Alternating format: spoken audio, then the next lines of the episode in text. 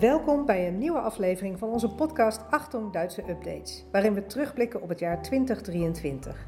We maken een rondje langs enkele collega's van het Duitsland Instituut en we vragen hen wat hen opviel in Duitsland dit jaar. Ik ben Wiepke Pitlik en ik maak deze podcast samen met Lin Stroom, mijn naaste collega op de redactie Duitsland Web. Ha Lin. Hoi, ja leuk. We gaan ons even installeren en dan halen we onze collega Petra erbij. Oké. Ja, ik ben Petra. Ik werk bij het Duitsland Instituut als programmamaker. En dat houdt in dat ik publieksevenementen organiseer, maar ook vakbijeenkomsten voor verschillende doelgroepen. En samen met andere partners onze filmreeks Deutsches Kino. Dus uh, dat in het kort, ja. Leuk. Um, ja, het jaar zit er bijna op. Mm -hmm. Ik vroeg me af, wat vond jij een belangrijk thema dit jaar in Duitsland... wat je uh, met ons zou willen delen, waar je het over wil hebben? Ja, ja um, ik heb me dit jaar heel veel bezig gehouden met het thema klimaat. Uh, dat is natuurlijk altijd een urgent um, thema, maar je zag um, in 2023 toch best wel wat opvallende ontwikkelingen in Duitsland betreffend het klimaatbeleid. Bijvoorbeeld het sluiten van de kerncentrales, de atoomausstieg die nu uh, voltooid is. Dat is toch iets wat, wat Nederlanders heel verrassend vinden. En het debat over kerncentrales is toch heel anders ook in Nederland.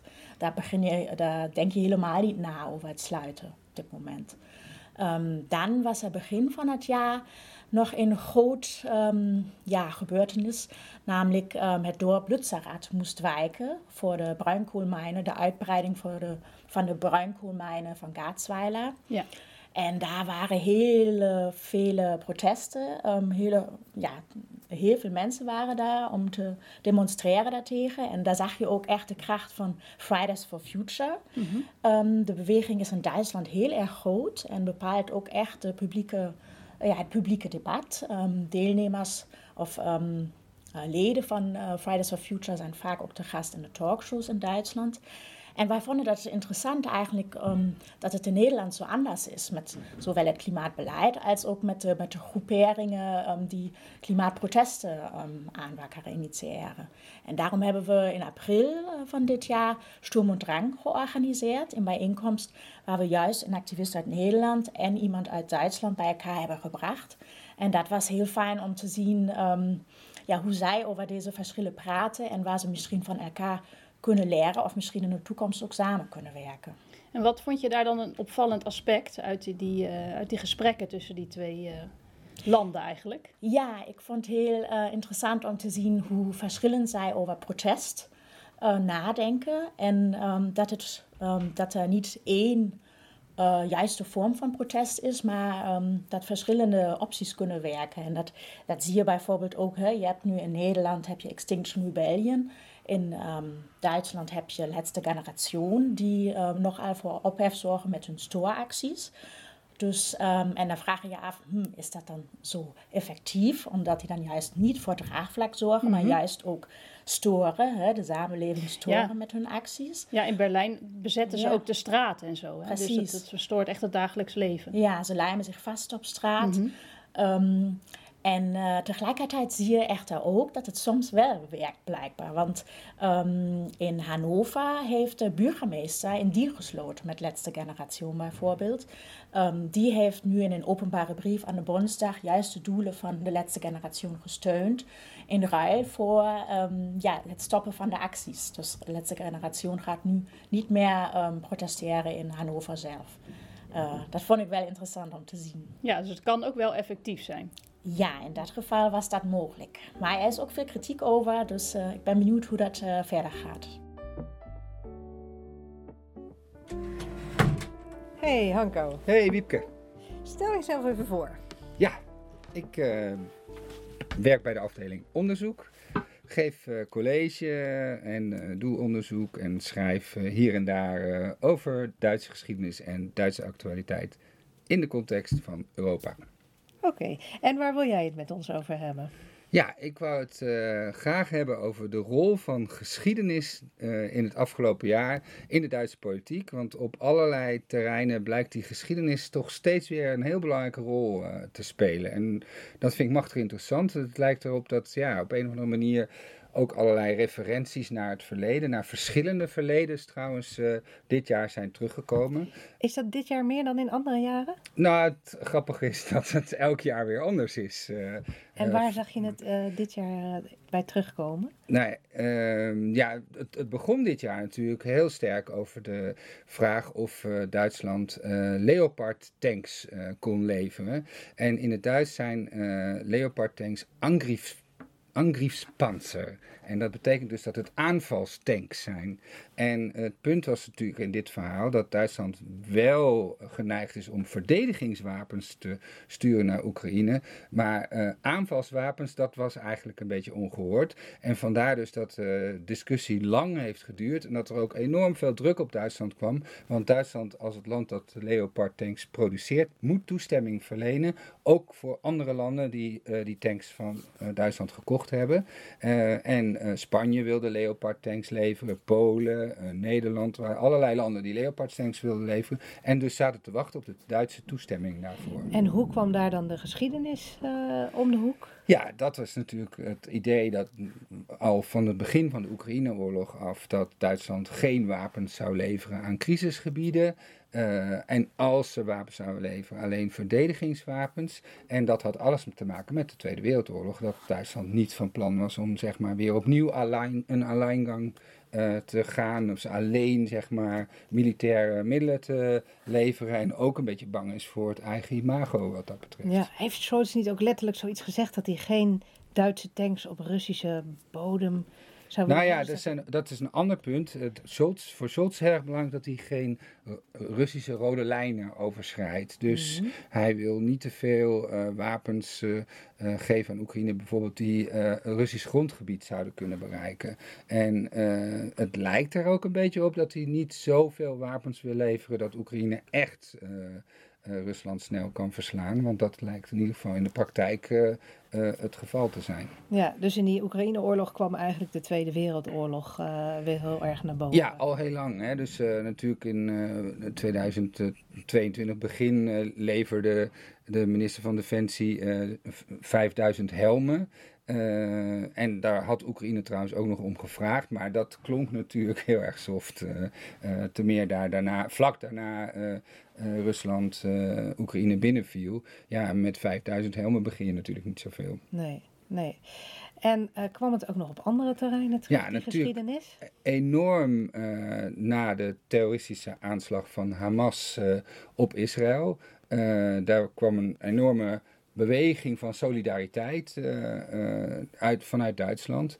Uh, en ook het, het, idee van wij moeten nu pal achter Israël gaan staan. En je zag ook meteen dat minister Annalena Baerbock naar Israël afreisde. daar bijna in tranen was. Het waren vooral de groenen die dat heel erg wilden tonen.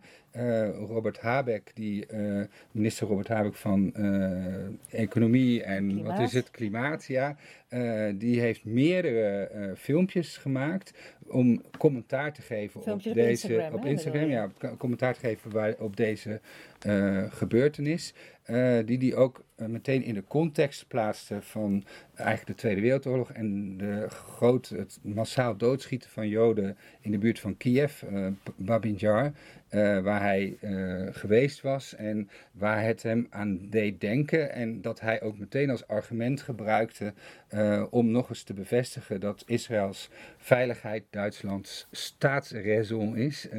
en nou, die hele discussie, die speelt in Duitsland nog steeds, is nog steeds heel erg actueel. Je ziet ook op alle journaals dat het perspectief heel erg vanuit Israël is. Hoewel men natuurlijk nu in Duitsland zich ook een beetje begint af te vragen van ja, hoeveel slachtoffers zijn er in, uh, in, in de Gaza-strook. En dat loopt inmiddels tegen de 18.000 en dat is natuurlijk een ongelooflijk aantal. En wat ik dus heel interessant vind, want hier zie je dus ook hoe de geschiedenis zeg maar een rol blijft spelen kan Duitsland dan nog steeds achter, zo volledig achter Israël blijven staan? Met zoveel slachtoffers. Dat is natuurlijk niet meer het geval. Maar het perspectief is nog heel sterk vanuit Israël en uh, ter ondersteuning van Israël. Ja. En dat heeft alles met de geschiedenis te maken. Precies, met de Tweede Wereldoorlog en Zeker. de Holocaust. Ja. ja. ja. Oké, okay, dankjewel Hanko.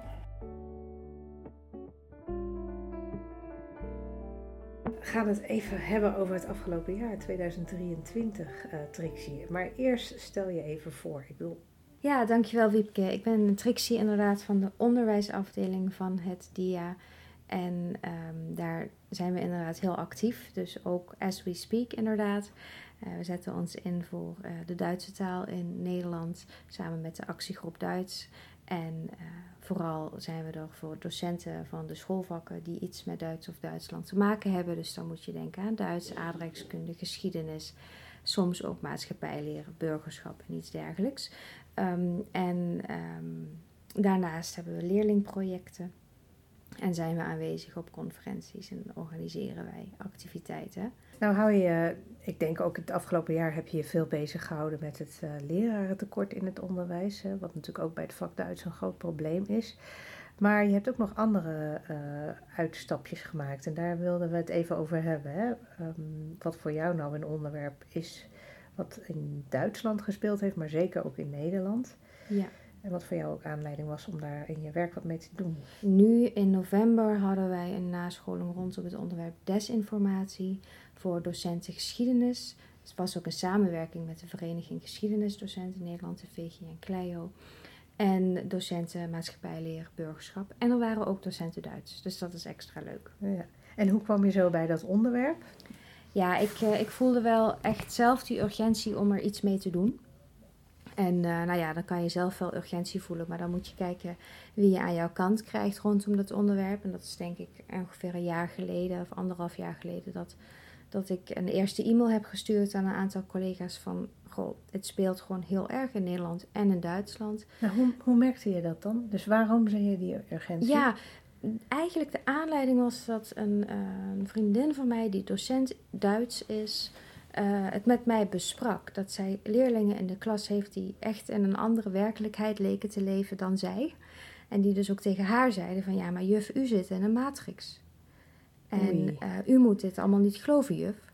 En dat zij echt eventjes met de mond vol tanden stond en dacht, wat nu? Want alles wat ik zeg, wat ik er tegen inbreng, zorgt voor afstand tussen mij en die leerling. Dus hoe ga ik nu die dialoog openhouden? Zonder um, alleen maar de les te lezen, maar juist ook die leerling in beweging te krijgen en zijn perspectief wat te verbreden op zijn minst.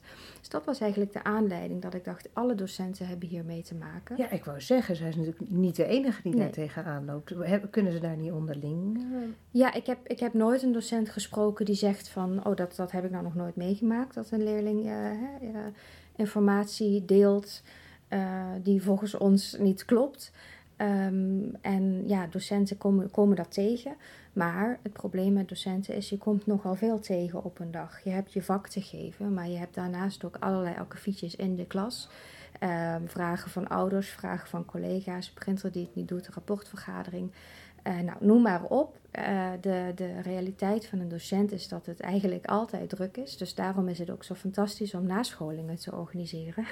Vind ik erg leuk om te doen, want je creëert echt een ruimte waarin docenten eindelijk tijd hebben om uit te wisselen, om in workshops tot goede ideeën te komen en om die dan vervolgens in de les ook um, in te zetten.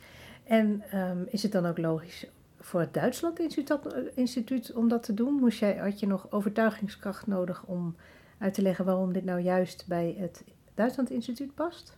Ja, ik heb die vraag inderdaad wel gehad.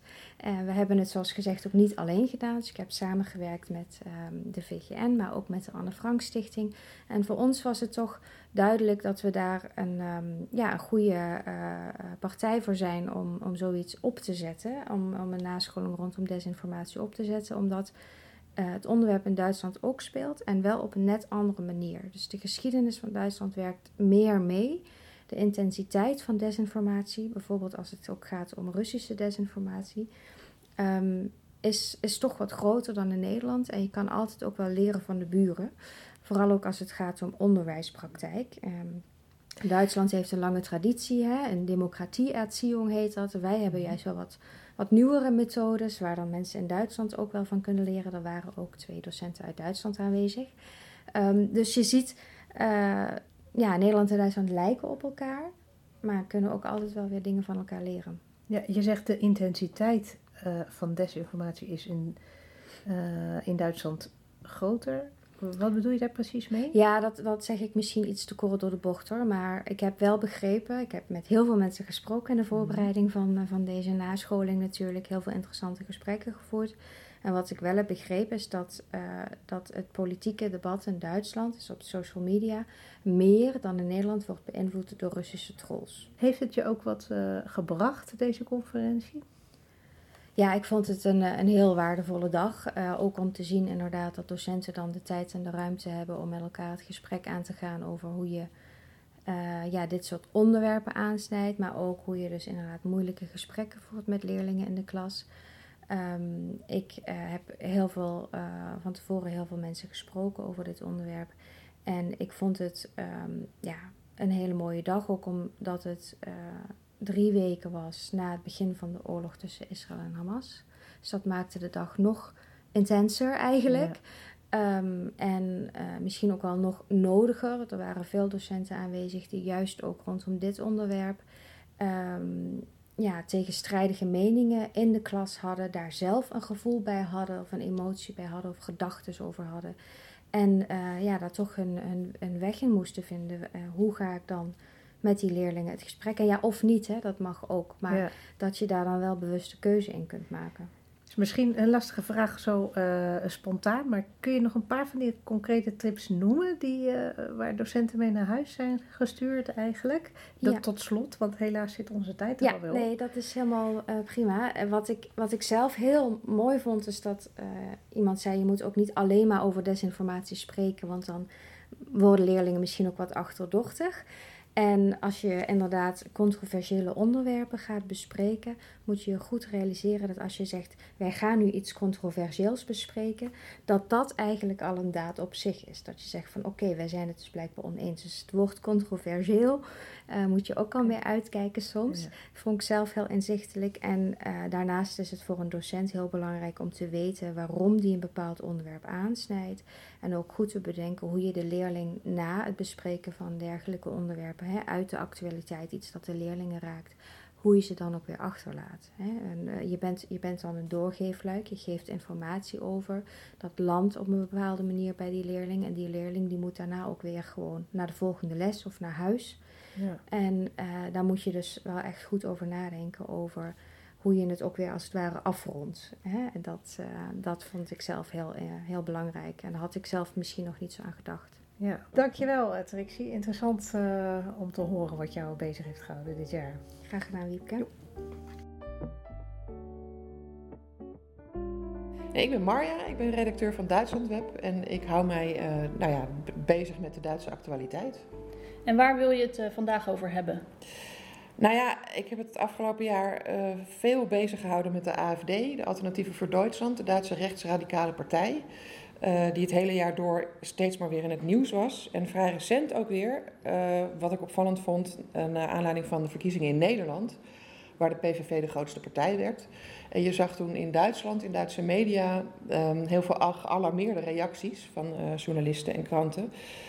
In commentaren die dan schrijven van, nou ja, Duitsland, naar aanleiding van de Nederlandse verkiezingen krijgt Duitsland een idee van wat er dreigt als de politiek de ontevredenheid over migratie niet adresseert. Mm -hmm. uh, dus het werd heel erg gezien van, die PVV wordt heel groot, dat kan bij ons in Duitsland met de AFD ook gebeuren. Ja.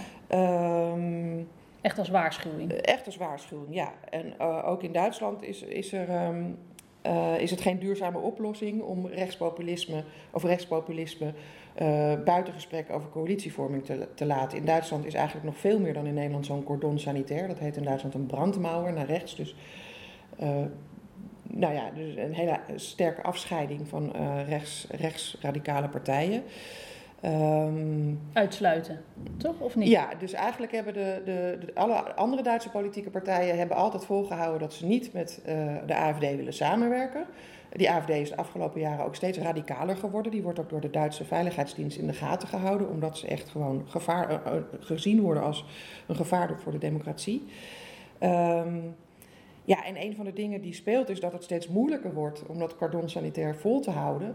We hebben het afgelopen jaar gezien dat uh, de AFD op lokaal niveau inmiddels gewoon in bestuursfuncties terecht is gekomen. Dus daar kun je niet meer om ze heen. Je kunt niet als, als gemeente, als je burgemeester een AFD'er is of je landraad, dus een regionale bestuurder, kun je niet meer zeggen van uh, daar werken we niet mee samen, want daar moet je dan wel mee samenwerken, gewoon alleen al uit, uit de functie. Ja, er is afgelopen weekend ook nog een AFD'er tot burgemeester gekozen, hè, Saxen. Ja en, uh, ja, en eerder ook al in Turingen, Saxen, Anhalt, dus dat zijn Oost-Duitse deelstaten. En dat is ook een van de dingen, de AFD wordt altijd gezien als een, als een Oost-Duits probleem, dat vooral in Oost-Duitsland veel ontevreden kiezers zijn die dan uh, de AFD als een soort alternatief zien of daaruit protest op stemmen.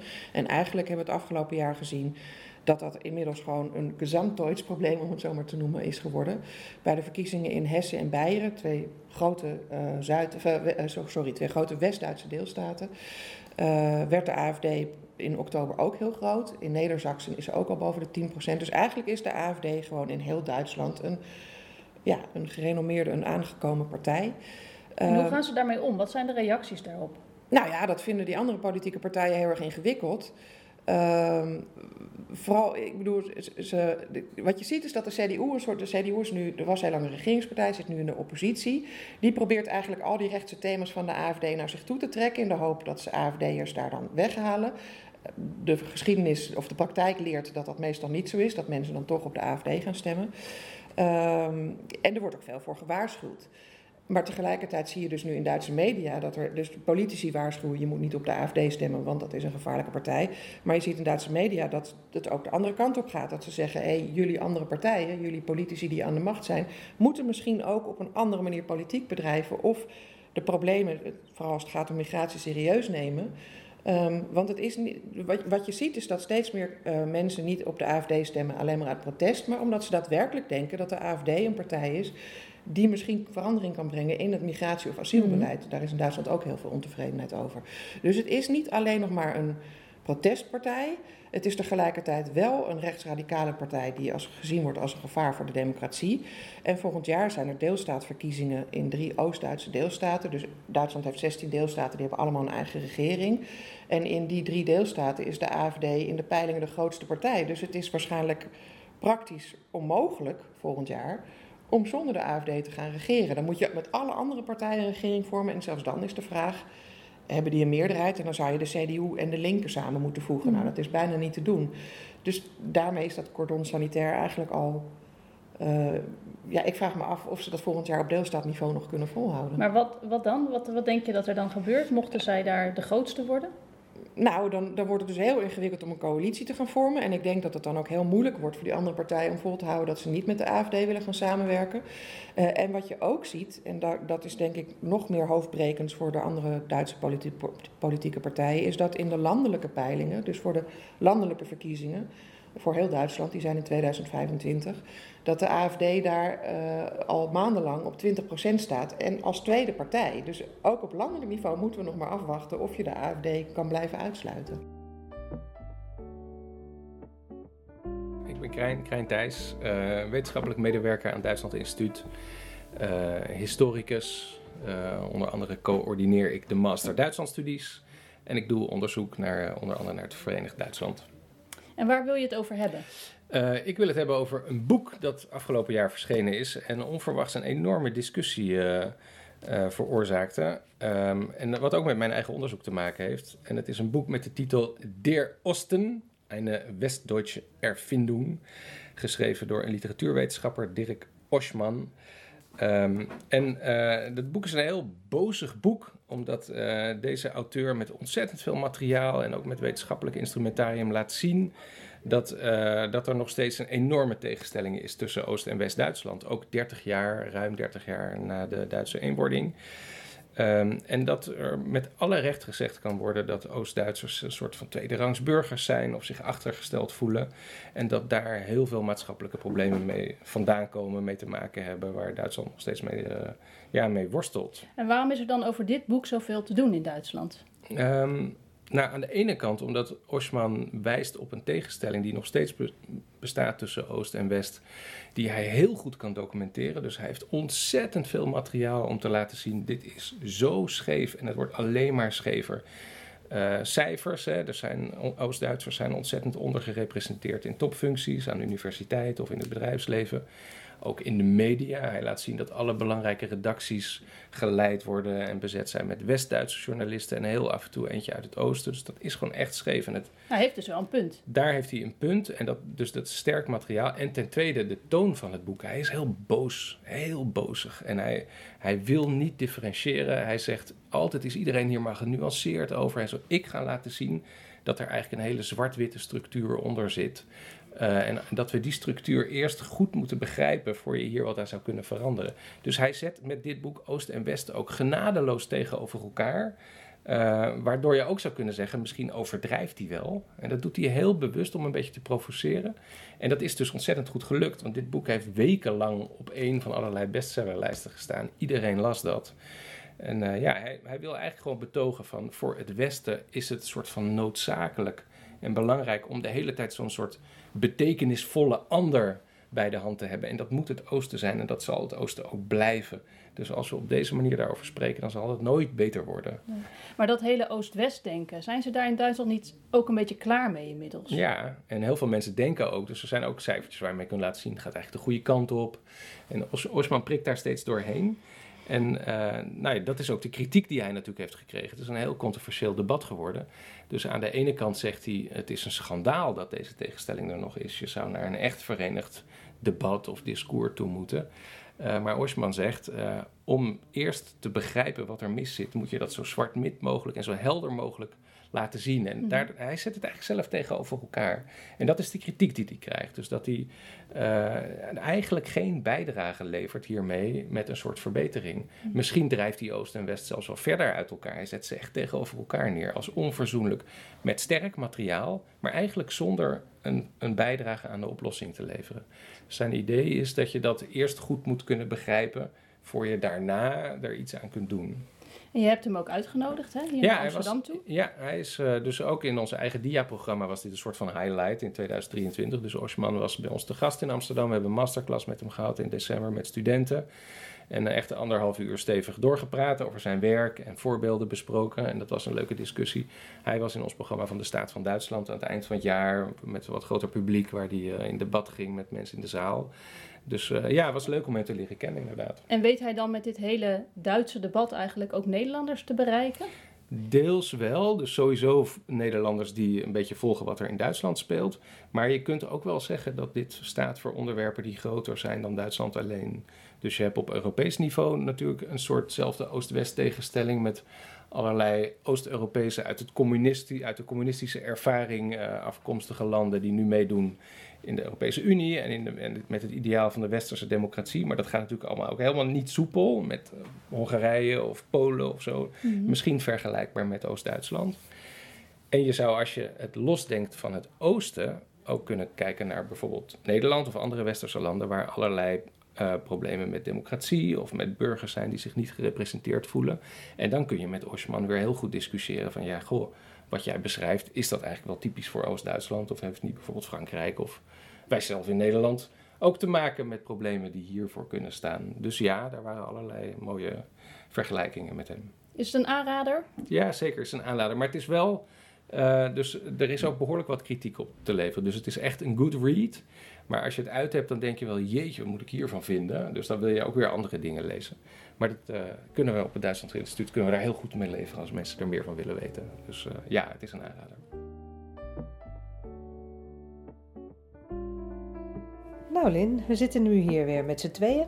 En ik wil eigenlijk van jou ook nog wel even weten wat, jouw, um, belangrijke wat voor jou een belangrijk moment was in 2023. Ja, ja ik wil eigenlijk uh, vooral een heel bijzonder moment uitlichten. En dat is de um, Holocaustherdenking in de, in de Bondsdag, het Duitse parlement. Uh, dat was in januari dit jaar. En daar was ik bij om uh, verslag van te doen. En um, dat heeft eigenlijk meer indruk op, op, mij gemaakt dan ik van tevoren dacht. En dat kwam omdat deze herdenking eigenlijk helemaal in het teken stond van, um, ja, van de LHBTI-slachtoffers uh, van het nationaal socialisme. En dat is een, uh, ja, toch wel een minderheidsslachtoffergroep die eigenlijk lang geen erkenning heeft gehad voor, voor het leed wat hen is aangedaan. En uh, er is enorm voor gelobbyd om, um, ja, om ze wel in deze Bondsdagherdenking op de kaart te zetten, zeg maar. Dat er echt speciale aandacht aan hen werd besteed. Ja, en dat is na jaren is dat dit jaar gelukt. En dat zag je ook aan de mensen die, aan de gasten die bij de, in de Bondsdag waren op dat moment. Dat waren ook, ja, dat gewoon zichtbaar excentriekere figuren, uh, transgender mensen. Uh, ja, dat was heel mooi om te zien. Ja, de slachtoffers zelf uh, waren er niet bij, hè? Nee, dat is ook wel triest aan dit verhaal. Want um, de slachtoffers die in de Tweede Wereldoorlog zijn gevallen, die zijn, ja, zijn overleden. Dus die zijn of vermoord of waren inmiddels zo oud dat ze overleden zijn. Um, maar het komt er eigenlijk op neer dat homoseksualiteit uh, onder het nationaalsocialisme uh, ja, verboden was. En dat betekent dat mensen die zich uitgaven als, of als homo, die dat zeiden dat ze dat waren, um, uh, ja, die werden gearresteerd, die werden, werden opgesloten en duizenden van hen zijn ook naar concentratiekampen gestuurd. Um, Zij nou ja, kregen zo'n roze driehoekje op, hè? Ja, ja, de mannen kregen een roze driehoek op. Dat was ook het teken van jij bent homoseksueel. Um, voor vrouwen gold die wet niet. Dus als je als vrouw lesbisch was, dan werd je wel even goed opgepakt, maar dan werd je gezien als asociaal. Dus uiteindelijk was de vervolging was hetzelfde. Dus ja, er zijn duizenden, tienduizenden mensen op deze manier uh, ja, vervolgd en om het leven gekomen. Uh, um, nou zijn er ook eerder andere groepen eh, centraal gezet tijdens die herdenking in de Bondsdag. Misschien nog goed om te vertellen, bij die Bondsdagherdenking zijn eigenlijk alle hoogwaardigheidsbekleders van de, ja. dus de, de staatsorganen vertegenwoordigd. Ja, hè? klopt. In dat opzicht was het ook bijzonder, omdat inderdaad bondskanselier Scholz was er, alle ministers waren er, maar ook de bondspresident Steinmeier was er. Um, bijna alle parlementariërs waren er, dus dat was heel bijzonder. En hoe hebben en, ze dan dat verhaal voor? Want de slachtoffers zijn inmiddels overleden, zeg je. Ja. Uh, als ze niet al tijdens de oorlog uh, overleden zijn. Hoe hebben ze dat dan uh, daar? Ja. ja, ze hebben twee verhalen uitgelicht van een homoseksuele man en een lesbische vrouw. En hun levensverhaal werd uitgebeeld door acteurs, begeleid met muziek. En uh, ja, op, op de schermen waren hun foto's te zien en ja, werd verteld hoe ze uh, opgepakt zijn en um, ja, hoe hun leven verliep. Want dat is ook nog een andere kant aan dit verhaal. Na de Tweede Wereldoorlog was deze wet, dus het verbod eigenlijk op homoseksualiteit, nog lang niet voorbij. Dit heeft nog jarenlang heeft dit geduurd. Jarenlang zijn er nog mensen ja, vervolgd omdat ze vanwege hun geaardheid. En pas in 1994 is wel een aangepaste een versie van deze paragraaf in het wetboek uiteindelijk helemaal geschrapt. Dus dat heeft nog heel lang geduurd. 1994 pas, ja. weet je. Ja. ja. Welke andere groepen zijn eerder herdacht in de Bondsdag? Ja, uiteindelijk hebben ook de afgelopen jaren um, actiegroepen ervoor gezorgd... dat bijvoorbeeld de Roma en Sinti herdacht zijn in de Bondsdag... Uh, maar ook dwangarbeiders. Er zijn enorm veel dwangarbeiders geweest. Mensen die te werk werden gesteld in het Derde Rijk. En ook uh, slachtoffers van het euthanasieprogramma van de nazi's. Natuurlijk ook heel, heel gruwelijk. Uh, en dat, vind, dat is ook heel belangrijk geweest. Omdat deze slachtoffergroepen... die zijn natuurlijk kleiner dan de, dan de Joodse slachtoffergroepen. Um, maar die zijn... voor hen is erkenning natuurlijk net zo belangrijk. Ja, ja.